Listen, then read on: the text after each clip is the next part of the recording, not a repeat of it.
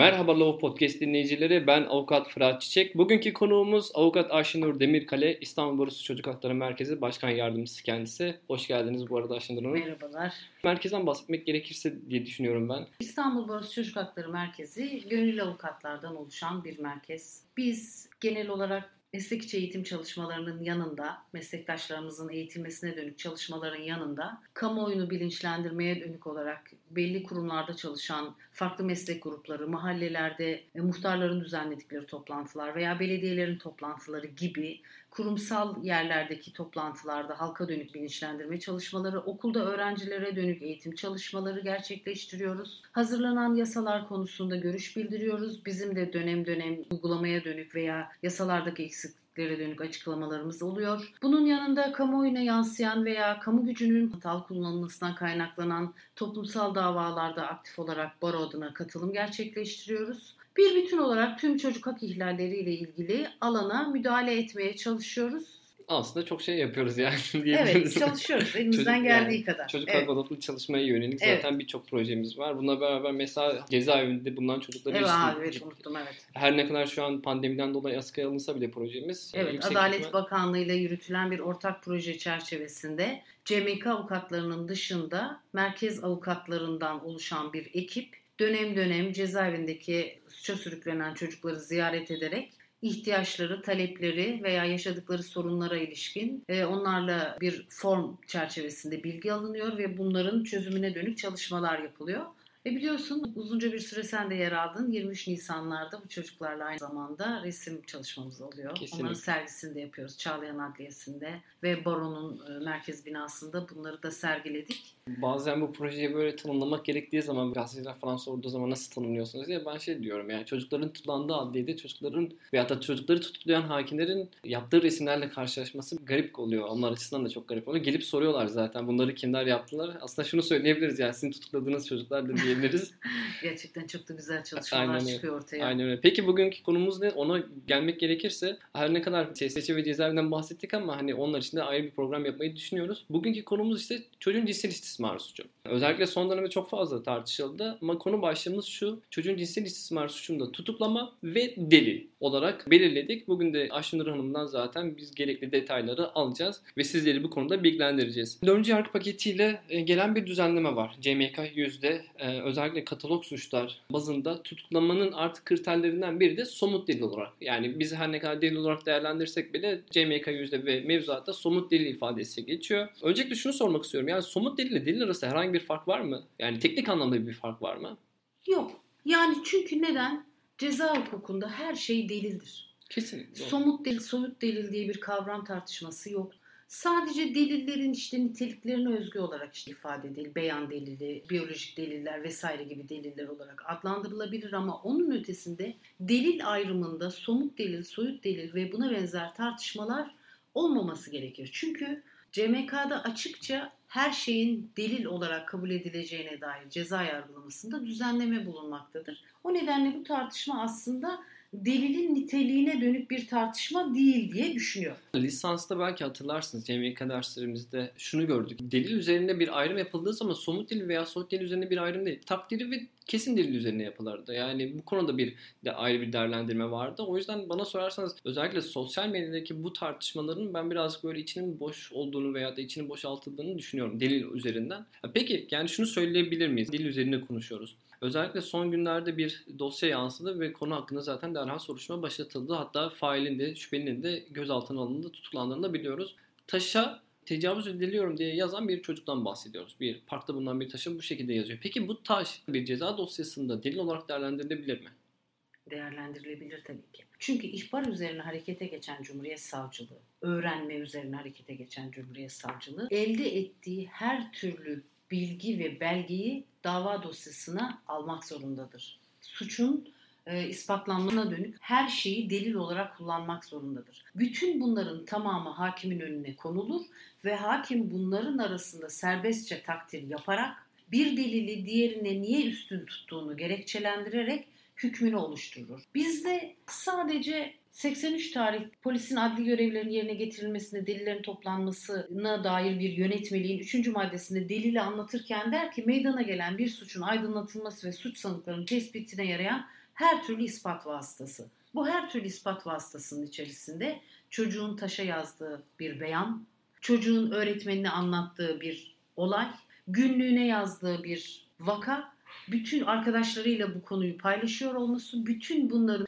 delil olarak kabul etmek mümkündür. Kesinlikle. Yani burada aslında bizim dediğimiz gibi her ne kadar sosyal medyada bu 4. harp paketindeki değişiklik geldiği zaman artık çocuk istismarında tutuklama zorlaştı. Kılıp ifadesi çok yoğun bir şekilde zaten propaganda amacı olarak kullanıldı. Bu şekilde bakıyor musunuz? Sizce yani 4. harp paketindeki bu değişiklik çocuğun cinsel istismarı suçunda tutuklamayı zorlaştırdı mı? Veyahut da önceki değişiklikle arasında bir fark var mıdır? Ben son derece iyi niyetle somut delil ifadesinin orada yer almasının biraz tutuklama kararı veren hakimler açısından gerekçe vurgulamak için koyulduğunu inanmak istiyorum. Çünkü bana göre bu ifadenin yer alması veya yer almamış olması, önceki düzenleme olması, çocuk cinsel istismar suçlarında tutuklama noktasında fark yaratacak bir düzenleme değildir. Ama buradaki problemin bana göre diğer tüm ceza yargılamalarında yaşadığımız en temel problemlerden birisi, birisi hakkında katalog suçlara dair bir isnat bulunduğu zaman genellikle sadece o suçlardan soruşturma aşamasında herhangi bir delil tartışmasına girmeksizin katalog suç olduğu gerekçesiyle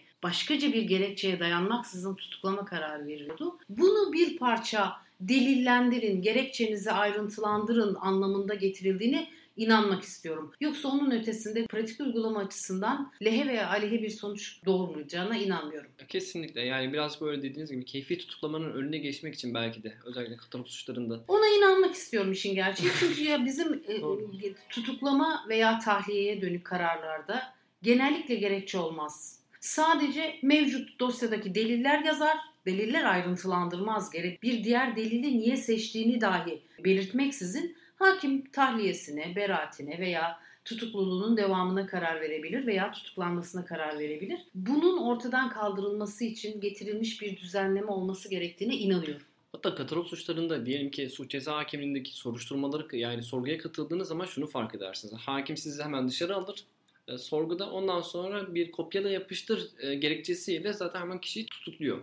Yani belki de bunun önüne geçmek için bunu yapmalı. Yani suç ceza hakiminin bu konudaki keyfi tutumundan özellikle katalog suçlarına ilişkin bunu sadece çocuğun cinsel istismar suçu olarak düşünmemek lazım. Yani genel çerçevede bu düzenleme katalog suçlarının tamamına getirir. Yani özel bir düzenleme değil. Bu sebepten dolayı bence hukuki ve genel bir açıklama veyahut da bu konuda çözümleme yapmak gerektiğini de kanaatindeyim. Kesinlikle. Yani gene benzer şeyleri söyleyeceğiz. Söylüyorum zaten sen de biraz önce ifade ettin. Evet gerekçesizlik bizim ceza yargılamasındaki en temel problemlerimizden birisidir. Adil yargılanma hakkının ihlalidir. Kesinlikle. Ee, en temel haliyle. O nedenle gerekçelendirmeyi sağlayabilmek adına böyle bir düzenlemenin getirildiğine inanmak istiyorum. Yoksa onun ötesinde cımbızlanarak sadece çocuk cinsel istismar suçlarında tutuklamanın ortadan kaldırılması amacıyla somut delil ifadesi yasa metnine getirildiği gibi bir düşünceye savunmuyor. Aslında doğru söylüyor. Ya adil yargılanmak ve savunma hakkı birazcık. Yani tutuklama kavramı biraz yanlış uygulandığı zaman veya da kriterlere aykırı bir şekilde uygulandığı zaman özgürlük hakkını ihlal ettiğini söyleyebiliriz. Çok net bir şekilde. O yüzden çekirdek haklardan biri diyebiliriz yani insan hakları kapsamında değerlendirdiğimiz zaman.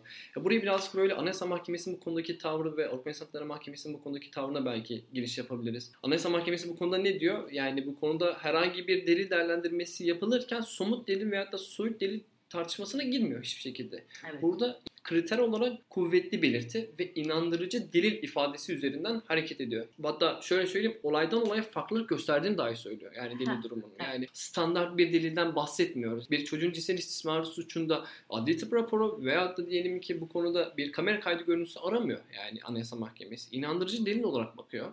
Siz bu konuda ne düşünüyorsunuz? Yargıtay'ın kararlarında da benzer şekilde düzenlemeler var. Yani Yargıtay kararlarında da örneğin tüm cinsel suçlara ilişkin cezalandırmayı değerlendirirken genellikle her olayın özeline değerlendirme yapmaya çalışıyorlar. Fakat bunun yanında belki de bizim tartışmamız gereken en önemli problemlerden bir tanesi e, Avrupa İnsan Hakları Mahkemesi ve kısmi olarak da Anayasa Mahkemesi kararlarında geçen beyan diline verilen önemin hukuksal karşılığının ne kadar gerçekleşip gerçekleşmediğini tartışmak olması gerekir. Yani çocuğun beyanı olarak adlandırabileceğimiz bizim somut olayımız özelinde baktığımızda çocuğun beyanının alınma koşullarından çocuğun beyanını değerlendirecek kişilerin uzmanların niteliklerinden ve bu çocuğa doğru sorma soru sorma tekniklerine varıncaya kadar veya çocuğun farklı üniversite hastanesi gibi veya devlet hastanelerinin psikiyatri servislerinde travmasına dönük yapılacak psikolojik raporların e, mahkemelerce değerlendirilmesine kadar e, bir bütün olarak beyan diline ve öne vereceğimiz önemi ortaya koymamız gerekiyor. Yoksa onun ötesinde bence de delillerin niteliği konusunda her dosyaya özgü olarak karar verme hakkına sahiptir mahkemeler. Artı bu deliller içerisinde de somut delil, soyut delil ayrımı yapmaksızın her türlü delili de değerlendirmek zorundadır. Biraz önce söylediğimiz gibi. Onun için biraz beyan delinin niteliği konusunun e, daha ön plana çıkarılması gerekiyor. Yoksa şunu baştan ve kesin olarak söyleyelim. Çocuk cinsel istismar dosyalarında en önemli delil çocuğun beyanı. Kesinlikle. Bununla beraber zaten çocuk beyanını bu kadar neden önemsiyoruz? Tabii ki bir cinsel şiddet suçundan bahsediyoruz. Yani delillerin üretilmesinin zor olduğu bir suç tipinden bahsediyoruz. Tabii. Ve hani burada her ne kadar bazıları buna mahrem ifadesini ne kadar doğru bulmasam bile kapalı alanda gerçekleştiğini düşündüğümüz ve failin mağdur çocuğa tahakkümünün kuvvetli olduğu bir bireyden bahsediyoruz. Yani Aynen. çocuğu susturma, bastırma, delilleri yok etme ihtimali çok yüksek olan bir suç tipinden bahsediyoruz. O yüzden buradaki çocuğun beyanı gerçekten hani delil niteliği konusunda değerlendirilmesi gerekiyor. Keza pratikte gördüğümüz de bu zaten açıkçası onu söylemek gerekirse. Yani savcılık diyelim ki çocuğun beyanıyla beraber bir iddianame hazırladığını da biliyorum ben. Ama bu beyanın hazırlanmasında veyahut da beyanın alınmasındaki yöntem çok çok önemli. Kesinlikle. Özellikle biz bu çocuk izlem merkezi değil tabir ettiğimiz bir merkez var. Bu merkezde çocuğun beyanları tabii ki uzman aracılığıyla alınıyor. Ve burada çocuğun beyanlarında bir çelişki olduğu zaman yine uzman aracılığıyla tespit ediliyor zaten. Bu arada yani uzman zaten net bir şekilde şunu söylemiyor. Çocuğun cinsel istismar suçu gerçekleşmiştir gibi bir ifade veya da gerçekleşmemiştir gibi bir ifade kullanmıyor. Belirtileri olduğunu söylüyor aslında. Evet. Değil mi? Evet çünkü CMK 217'de iki ifade aynen şöyle der. Duruşmaya getirilmiş huzurunda tartışılmış delillere dayanarak hakim karar verebilir. Bu delilleri vicdani kanaatiyle serbestçe takdir eder. Uzmanlar tarafından çocuğun beyanının alınmış olması, uzmanlar tarafından hazırlanan görüşler, bütün bunları hakimin kararının vermesi yolunda birer delil diye adlandırayım ben. Şimdi böyle bakıldığında Çocuğun beyanın alınmasında çocuk izlem merkezleri ve adli görüşme odaları evet çok önemlidir. Çok da iyi niyetli adımlardır. Ama burada çalışacak uzmanların soru soruş teknikleri, dosyaları inceleyecek hakimlerin adli görüşme odalarında çocuklarla ifade alma süreçlerini yaşayacakları dönemde çocuğa soru sorma teknikleri, çocukla iletişim teknikleri aslında Kesinlikle. esas olarak tüm meslek grupları açısından son derece önemlidir. Artı bir de çocuğun verdiği beyanı, beden dilini değerlendirecek, yorumlayacak kişilere ihtiyaç bulunmaktadır. Bunların da konusunda uzman insanlar tarafından görevlendirilen kişiler olması gerekmektedir. Şimdi Avrupa İnsan Hakları Mahkemesi'nin bir Bulgaristan kararı var mesela. O kararında açıkça şunu söyler der ki gençlerin savunmasız konumuna ve küçüklerin tecavüzüyle ilgili olaylarda özel psikolojik faktörlere yeterince yer verilmemesini hükmün bozulması daha doğrusu hak ihlali noktasında gerekçelendirmiştir. O yüzden söylüyorum tekrar çocukların beyanı önemlidir. Çocukların beyanının bir uzman tarafından değerlendirilmesi önemlidir. Ama aynı zamanda çocuklarla ilgili olarak farklı hastanelerden alınacak veya çocukların uzun süreli gözlemlenerek elde edilecek psikolojik raporları da mutlaka mahkeme dosyalarında değerlendirilecek deliller çerçevesinde kabul edilmelidir. Kesinlikle. Zaten yani şöyle pratikte gördüğümüzde mahkeme bu konuda değerlendirme yapıyor. Çocuğun beyanı konusunda e, önemli hassasiyeti gösterdiğini düşünüyorum. Bazı dosyalar hariç tabii ki bazı özel durumlarda mahkemenin zaten bu konudaki tavrını bizler de biliyoruz ama e, Mesela diyelim ki çocuğun beyanlarında bir çelişki olduğu zaman biz delil olarak değerlendirdiğimiz bir beyandan bahsediyoruz. Bu durumda mahkemenin tavrı nasıl oluyor? Yani şimdi alınan rapordaki beyanlı bir çelişki durumu söz konusu olduğu zaman adli görüşme odasında. Bununla ilgili olarak yeniden uzman incelemesi yapması gerekir. Bu çelişkinin giderilmesine dönük mutlaka süreci devam ettirmesi gerekir. Ama biraz önce kullandığı bir ifade vardı işte mahkemelerin sadece çocuk beyanları hüküm kararlar oluşturabildiği veya bunları ciddiye aldığına dönük. Aslında bu kamuoyunda somut delil, soyut delil tartışmalarının temelinde de bu bahsettiğin olayın her zaman karşılık bulmamasının olduğunu düşünüyorum. Yani bir vakada gerçekten sadece çocuğun beyanıyla süreç son derece hızlı ve düzgün bir şekilde ilerlerken bir başka dosyada takipsizlik kararı çok rahatlıkla verilebiliyor. Kişilerin en büyük kaygısını da zaten bu oluşturuyor. Yani herkesin her başlarına geldiğini iddia ettikleri vakaya ilişkin olarak aynı biçimde soruşturma makamlarında, kovuşturma makamlarında karşılık bulamayacağı kaygısıdır zaten bu tartışmaları büyüten ve bu kadar e, hararetli bir biçimde aslında evrensel insan hakları değerlerinden de uzaklaşacak boyutta tartışmaları uç noktaya götüren nedenlerin başlıcası. Yani benim başıma bir olay geldiğinde benim izleyeceğim yol ve alacağım sonuç senin başına geldiğinde aynı şekilde olmayabiliyor. Veya bazen bakıyoruz vakalara bir olayla ilgili olarak basında bir haber çıkıyor. İşte çocuk şurada cinsel istismara uğradı. Şüpheli yakalandı, ifadesi alındıktan sonra bırakıldı. Aynı olay sosyal medyada gündeme geldikten sonra aynı şüpheli hakkında tutuklama kararı yani çıkıyor. Dosyada nasıl bir delil olduğu da böyle. E, yani birilerinin şunu sorması gerekir. Kardeşim bırakırken hangi gerekçeyle bıraktınız? Tutuklarken hangi gerekçeyle tutukladınız? İkisi arasındaki oluşan farklılığı sorgulayan birisi çıkıyor mu acaba? Problemin temelinde gene söylüyorum kamuoyundaki kaygıları aslında en çok yükselten nedenlerin başında adil karşılığı her vaka için alamayacağı korkusu yer almaktadır. O nedenle tartışmalar diyorum çok uç boyutlarda bir noktada tartışıldı. İşte cinsel istismarın delili olmaz gibi bir üst başlıkla tartışıldı ki bu yanlış bir ifade. Bunu kabul etmek lazım. Kesinlikle. Yani burada e, konuşmanın e, içeriğinde belirttiğimiz gibi yani katalog suçlarına yönelik bir zaten düzenleme yapıldı. Özel olarak çocuğun cinsel istismar suçuna yönelik bir düzenleme değil. Anayasa Mahkemesi'nden bahsettik, Avrupa İnsan Hakları Mahkemesi'nden bahsettik. Belki burada biraz ilk yapmak gerekebilir. Sizin de belirttiğiniz gibi yani önüne gelen delillerin değerlendirmesi kısmen hakime kalmış bir şey. Ama hakim değerlendirirken nasıl bir değerlendirme yapacak? Yani burada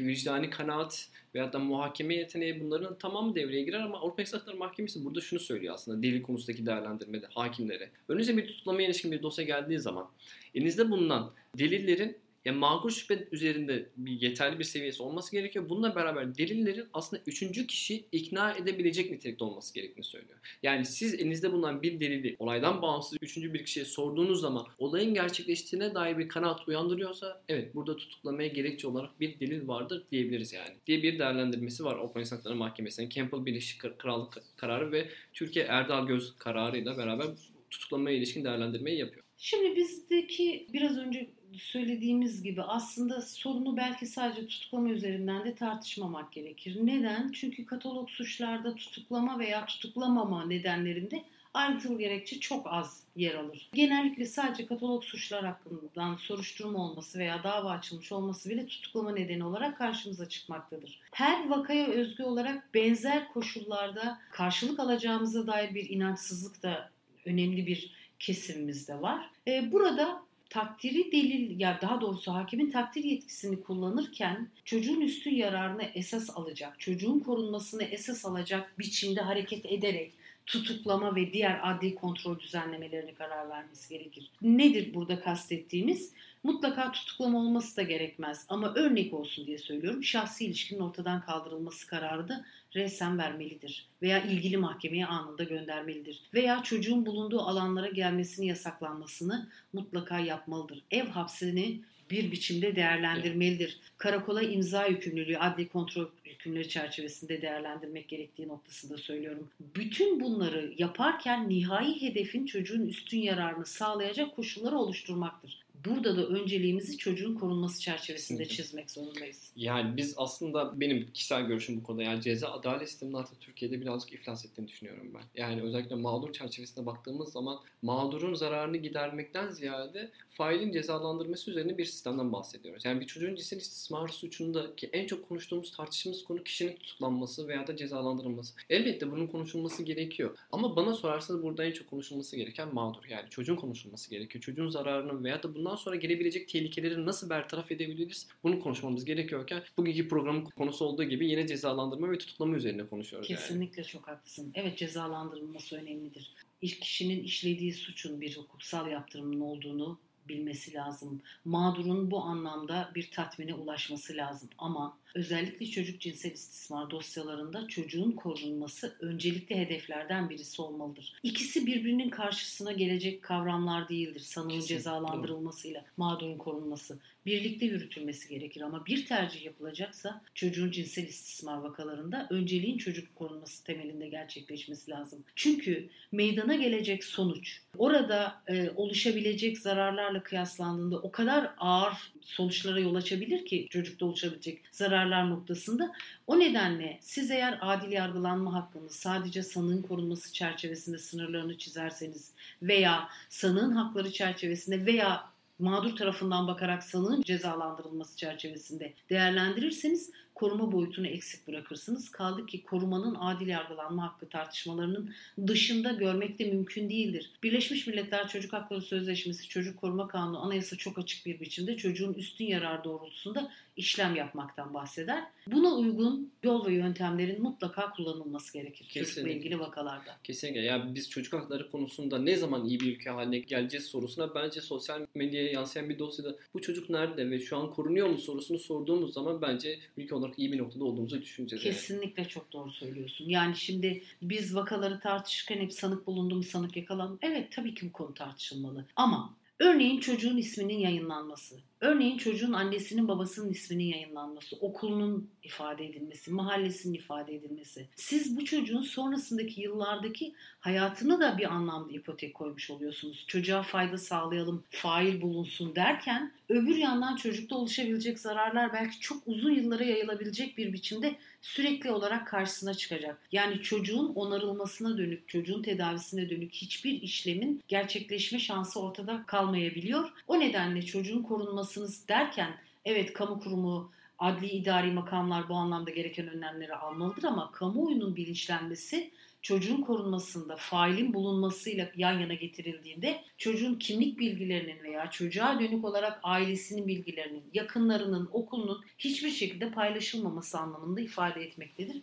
Bunları da özel olarak dikkat çekmek lazım. İstanbul Barosu'nun hazırlamış olduğu kamuoyuna bir çağrı var hatırlarsın sen de. Evet, Biz tek tek bu tarz vakalarda kamuoyunun nasıl davranması gerektiğine dair uzmanlarla birlikte bir takım yol haritası yazılı bir metin oluşturmuştuk. Orada da ifade edildiği gibi yani mağdurun korunması ve tanımını sağlamak adına mağdurun ve ailesinin bir bütün olarak kimlik bilgilerinin gizliliğinin en önemli faktörlerden birisi olduğunu ifade ettik. Aslında bu konu için ayrı bir program yapmayı düşünüyordum ama bir giriş yaptık sanırım. Evet evet Güzel yapmanı da tavsiye ederim. Kesinlikle. Verdiğiniz bilgiler için çok teşekkür ederim. Yani eklemek evet. istediğiniz son şeyler varsa alabilirim. Yoksa programı kapatacağım aşırı. Estağfurullah. Ee, ben de memnun oldum ama sadece şunu söyleyeyim kamuoyundaki tartışmalarla çok şekillendiği için, çok dile getirildiği için Cinsel istismarın delili olmaz. Bu nedenle de işte tutuklama olmayacak şeklindeki bir tartışma yanlış bir yol haritasıdır. Bu alanı tartışırken yanlış bir yol haritasıdır. Evrensel insan haklarını ihlal etmemek gerekir. Suç tipinden bağımsız olarak. Delil yoksa cezalandırma zaten yoktur. Problem doğru delil toplama yöntemleri konusunda herkesin üzerine düşeni yerine getirmesidir. Çocuğun beyan deliline verilen önemin mutlaka dava dosyalarında karşılığını almamız gerekir. Teşekkür ediyorum. Asıl bizler teşekkür ederiz. Ben de belki son olarak şunu söyleyebilirim. Çocuk konusunda çok hassasız. Yani toplum olarak en duyarlı olduğumuz konulardan biri. Bununla beraber en çok örselediğimiz birey çocuk aslında. Bana sorarsanız ben hani çocuk konusunda duygusal davranılmayacak kadar profesyonel bir alan olduğunu düşünüyorum bu alanın. Yani profesyonellerce tarafından yürütülmesi, ayrı bir disiplin olarak yürütülmesi gerektiğini düşünüyorum. E, her ne kadar hassas olsak bile. Benim de söyleyeceklerim bu kadar da çok teşekkür ederim. Ben teşekkür ederim. Bir sonraki Sağ programda olun. görüşmek Sevgiler, üzere. Hoşçakalın.